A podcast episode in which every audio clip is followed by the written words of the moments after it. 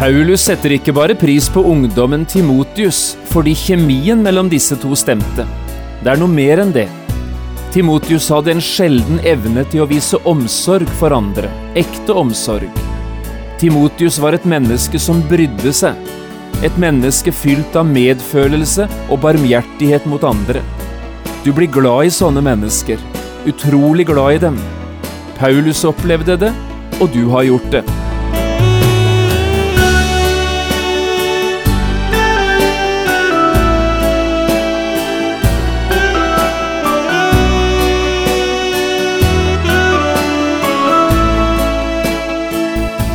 Hjertelig velkommen til et nytt program i serien Vindu mot livet. Programmet er produsert av Kristen Riksradio og blir ledet av Jon Hardang. Dette programmet er produsert med støtte fra Hermon Høyfjellssenter.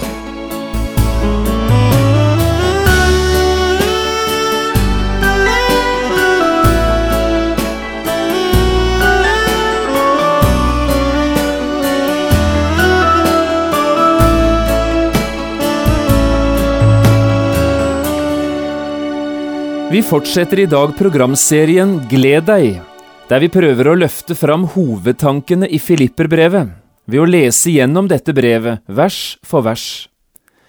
Vi er altså kommet til den siste delen av kapittel to, der Paulus begynner å bli ganske personlig. Han skriver om to av sine medarbeidere, to av dem som har betydd aller mest for han i tjenesten, Timotius og Epafroditus.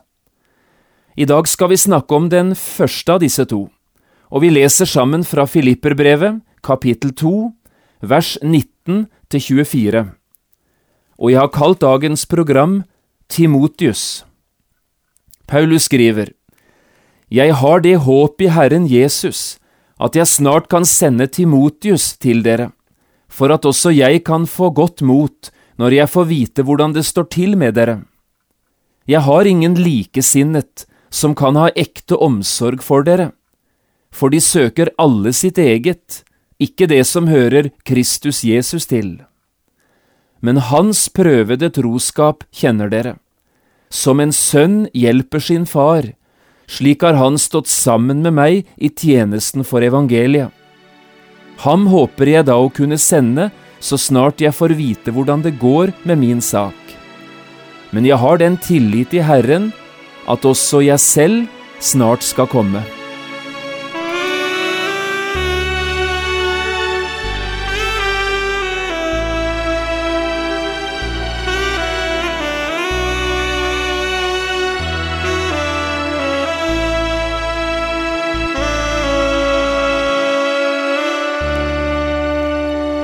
Jeg vet ikke om du har hørt historien om predikanten og småbruket. En herlig liten stubb som jeg har lyst til å fortelle deg nå. Det var altså en ganske alminnelig predikant som en gang fikk anledning til å kjøpe et gammelt, fraflytta småbruk, og som gikk i gang med å prøve å sette dette småbruket skikkelig i stand igjen. Det bestod av et nokså gammelt hovedhus, et uthus som nærmest sto til nedfalls, en del gamle, rustne redskaper, og så en masse skrot i tillegg til det. Det var bare en gjengrodd vei opp til eiendommen, og heller ikke noe skikkelig gjerde. Men predikanten gikk i gang med å ruste opp dette småbruket, og han gikk i gang med iver og entusiasme. Han brukte alle sine fridager, hver eneste friuke og hver eneste ferieuke på denne eiendommen. Veien ble rustet opp, gjerdet omkring eiendommen satt i stand, han fikk ryddet opp i alt rotet og kastet en masse unødvendige ting. Busker og trær ble ryddet bort, og hele småbruket begynte igjen å se ut som det hadde gjort i sine beste dager. Huset var restaurert, både utvendig og innvendig, med nytt tak og ny bordkledning. Og rommene innvendig pusset han opp. Også uthuset fikk på tilsvarende måte en skikkelig ansiktsløftning og hele småbruket ble etter hvert forvandlet til en flott fritidseiendom. Mens han så holdt på å sette opp gjerdet og var i ferd med å avslutte det store arbeidet, både ute og inne, kommer en av naboene bort til han, fra den nokså store nabogården like i nærheten. Han hadde sett denne predikanten, som i lange tider hadde holdt på på eiendommen, og var nok litt spent på hvem han var, denne nye naboen, og om han kom til å like han. En dag så tok han mot til seg og gikk bort til sin nye nabo, kvidde seg litt, men begynte å snakke med han. Og de første ordene fra naboen falt slik. Ja ja, predikant, det ser ut som du og Herren har gjort en god jobb på denne eiendommen. Predikanten rettet ryggen, smilte litt, og så tørket han svetten av pannen, før ordene kom. Jo, sa han, det er blitt bra nå, men du skulle ha sett hvordan det så ut da Herren hadde det for seg selv. Jeg syns det der er en herlig liten stubb, og jeg håper du tar poenget. Gud har bruk for mennesker. Er det noe Gud vil ha gjort, så er han avhengig av disse skrøpelige, menneskelige redskapene. Gud bruker mennesker. Dette handler altså ikke om mistillit til Gud eller forakt for Guds storhet og Hans allmakt.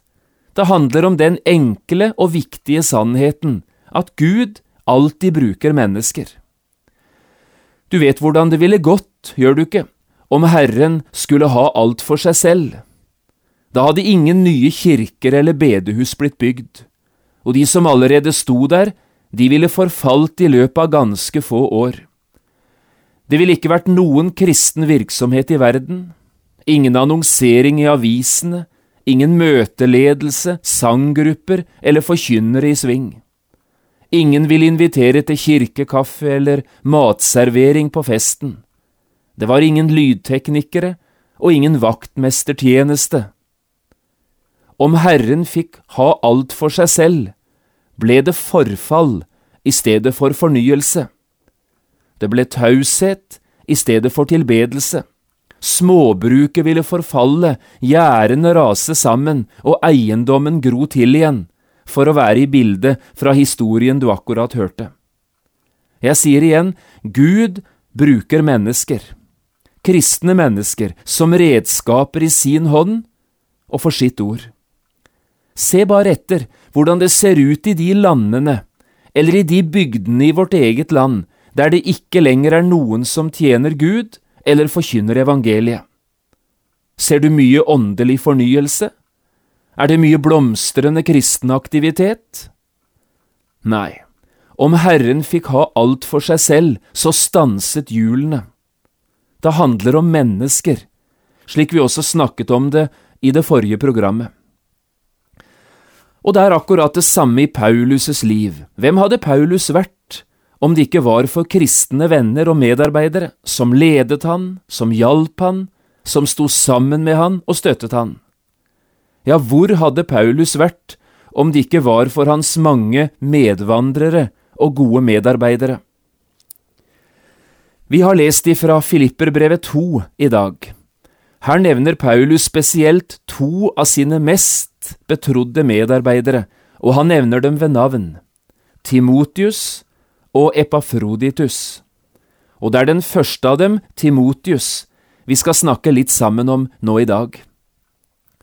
I begynnelsen av dette kapittelet, kapittel to i Filipperbrevet, der advarer Paulus i vers tre og fire mot en selvopptatt eller egoistisk måte å leve på som kristne. Hør hva han skriver. Gjør ikke noe av ærgjerrighet eller av lyst til tom ære, men akt hverandre i ydmykhet høyere enn dere selv. Ingen må bare se på sitt eget, men enhver må også ha de andres gagn for øye. Timotius og Epafroditus var to medarbeidere som levde det kristne livet, ikke på den måten Paulus her advarer mot, men på en helt annen, positiv måte.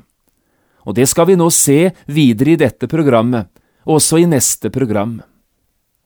Timotius leser vi altså om fra vers 19 til 24, og Epafroditus møter vi den siste delen av kapittelet, fra vers 25 til 30. Hvorfor nevner Paulus akkurat disse to medarbeiderne her i Filipperbrevet, og nesten ingen andre? Ja, det vet vi jo ikke helt sikkert, men en av grunnene er nok at disse to var kjent i Filippi fra tidligere.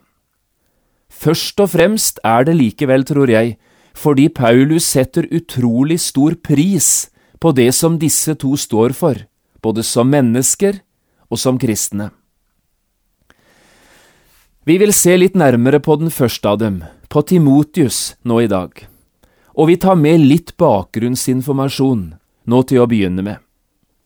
Timotius kom enten fra byen Lystra eller fra byen Derbe i Lilleasia, altså i det området som i dag heter Tyrkia.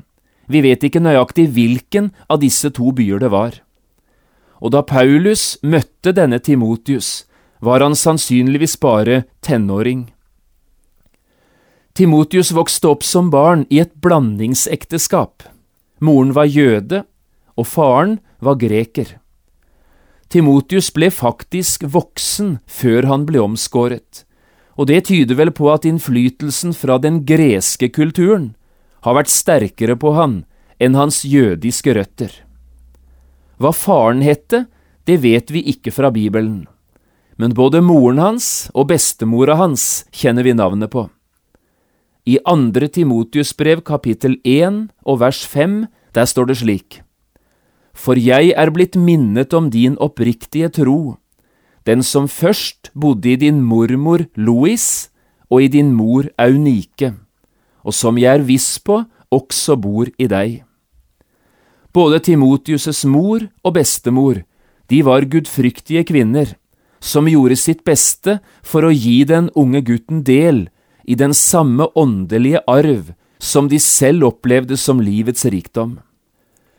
Det ser likevel ut til at det er Paulus som har ledet denne ungdommen til tro på Jesus gjennom sin virksomhet. Dette vet vi heller ikke helt sikkert, men ting Paulus skriver i brevene sine, tyder på det. I første Korinterbrev 4, 17 der kaller Paulus Timotius for mitt kjære og trofaste barn i Herren. Og i det siste brevet han skriver, i 2. Timotius 2,1, der lyder det sånn, Bli da du, min sønn, sterk ved nåden i Kristus Jesus. Det ser altså ut som Timotius er Paulus' åndelige barn. Senere fikk Timotius være med Paulus på flere av hans store reiser og sammen kom de som de første til Europa med evangeliet. De besøker byer som Filippi, Tessalonika, Berøa, Korint og Efesus. Og ellers var altså også Timotius sammen med Paulus under hans første fangenskap i Roma.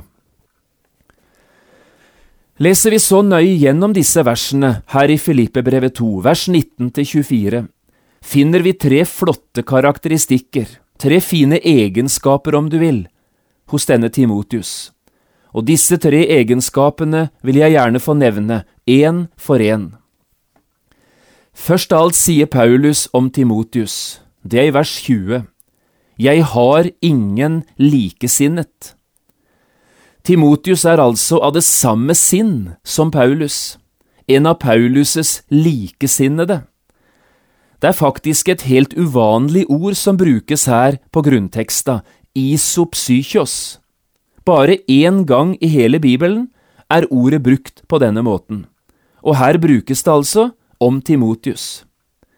Han er enestående, sier Paulus.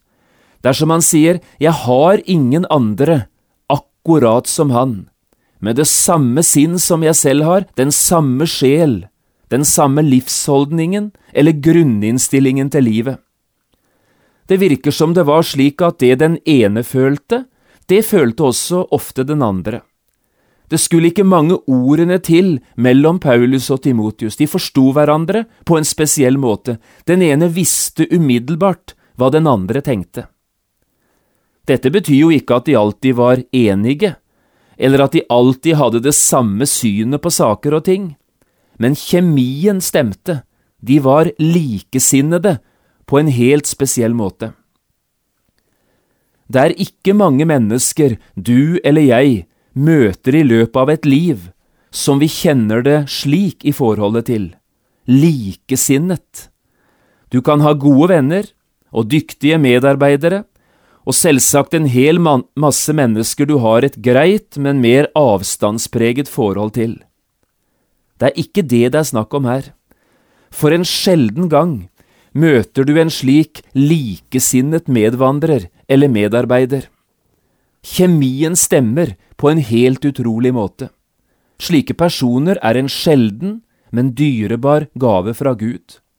Og ikke minst når det kommer vanskelige tider i livet, ikke minst da trenger vi slike å kunne dele våre innerste tanker med.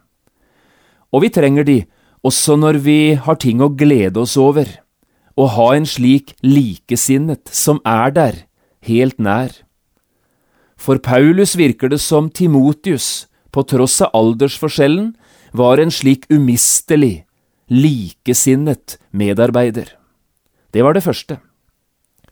Det andre Paulus sier, det står også i vers 20.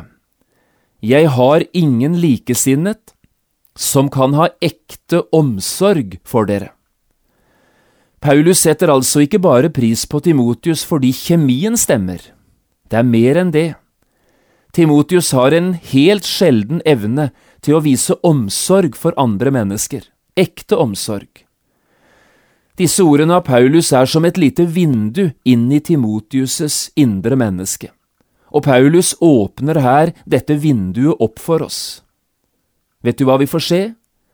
Vi får se inn i et menneske som bryr seg, et menneske fylt av omsorg og barmhjertighet mot andre altså noe av det samme som Paulus selv var fylt av. Ellers hadde de jo ikke vært likesinnede mennesker, slik vi akkurat har snakket om. Det er sånn at det som blir sagt om Paulus, det kan også sies om Timotius. Og det som blir sagt om Timotius, det kan sies om Paulus. De er likesinnede med ekte omsorg for andre mennesker. Det fins i dag en del mennesker som har et helt utrolig, nesten naivt, forhold til de første kristne, eller den første kristne tid.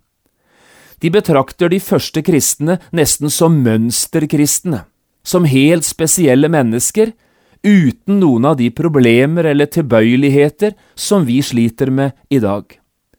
Og de første kristne menighetene, sånn tenker de, det må ha vært mønstermenigheter, sterke, varme, åpne og inkluderende fellesskap, uten noen som helst lunkenhet eller ingen av de problemene som vi ofte sliter med i kristne fellesskap nå for tida. Idealet for de som tenker slik, er altså å leve slik som de første kristne gjorde, og den ideelle menighetsordningen, det må være den menighetsordningen som de første kristne hadde.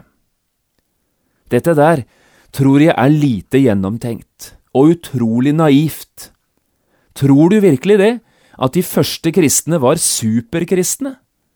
Og tror du at alle de første kristne menighetene var ukjent med de problemene vi sliter med også i dag? Langt ifra. De hadde nøyaktig det samme å streve med, både i sitt eget liv og i sine egne fellesskap, som det vi har i dag. Egoisme og selvopptatthet synd og urenhet, misunnelse og baktalelse, stridigheter og partier. Se hva Paulus skriver her i vers 21. De søker alle sitt eget, ikke det som hører Kristus til. Utrolig.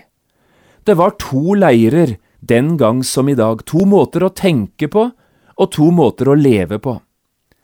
Dette får vi en veldig bra illustrasjon på hvis vi legger Filipperne 1, 21 og Filipperne 2, 21 ved siden av hverandre.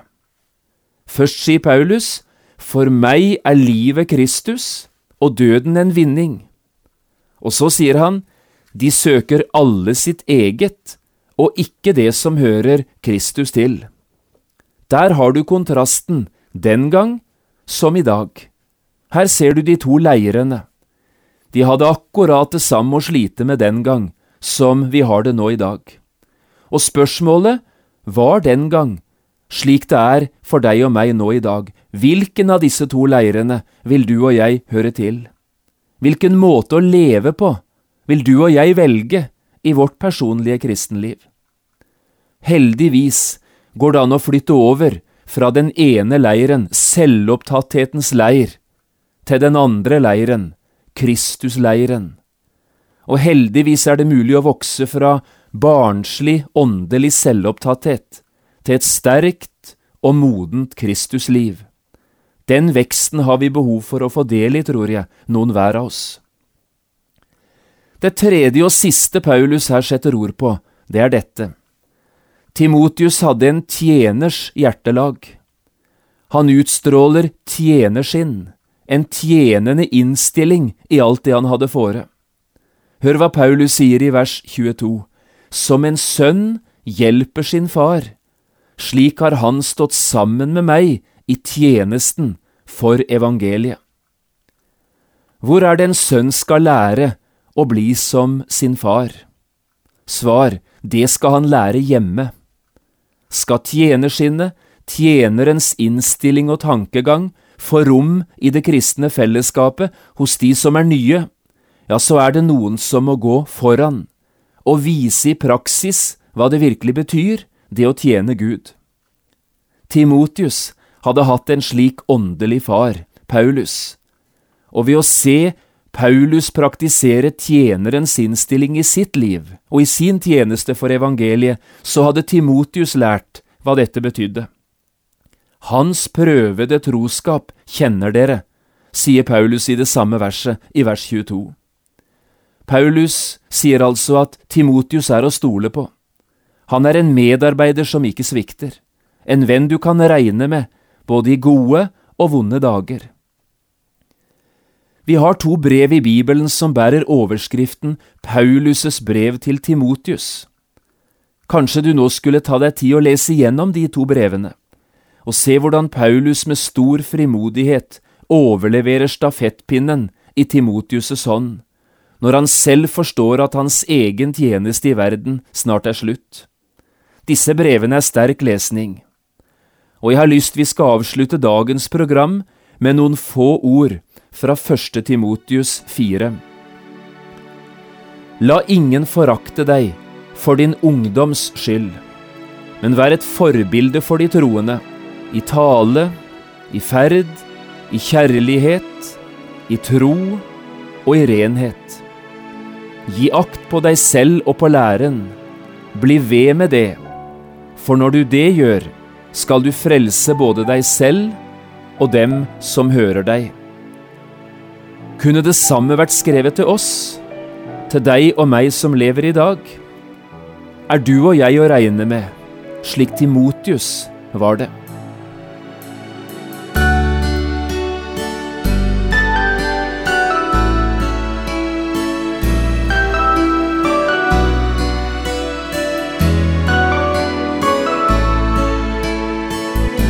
Du har lyttet til programmet serien Vindu mot livet med John Hardang. Programmene i denne serien kan også kjøpes på CD fra Kristen Riksradio, eller høres på internett på p7.no. Har du spørsmål eller kommentarer til det du nå har hørt, kan du ta kontakt med oss. Adressen er Kristen Riksradio, Skiene 2, 5353 Straume, eller send en e-post vml alfakrøll p7.no. Takk for i dag, og på gjenhør.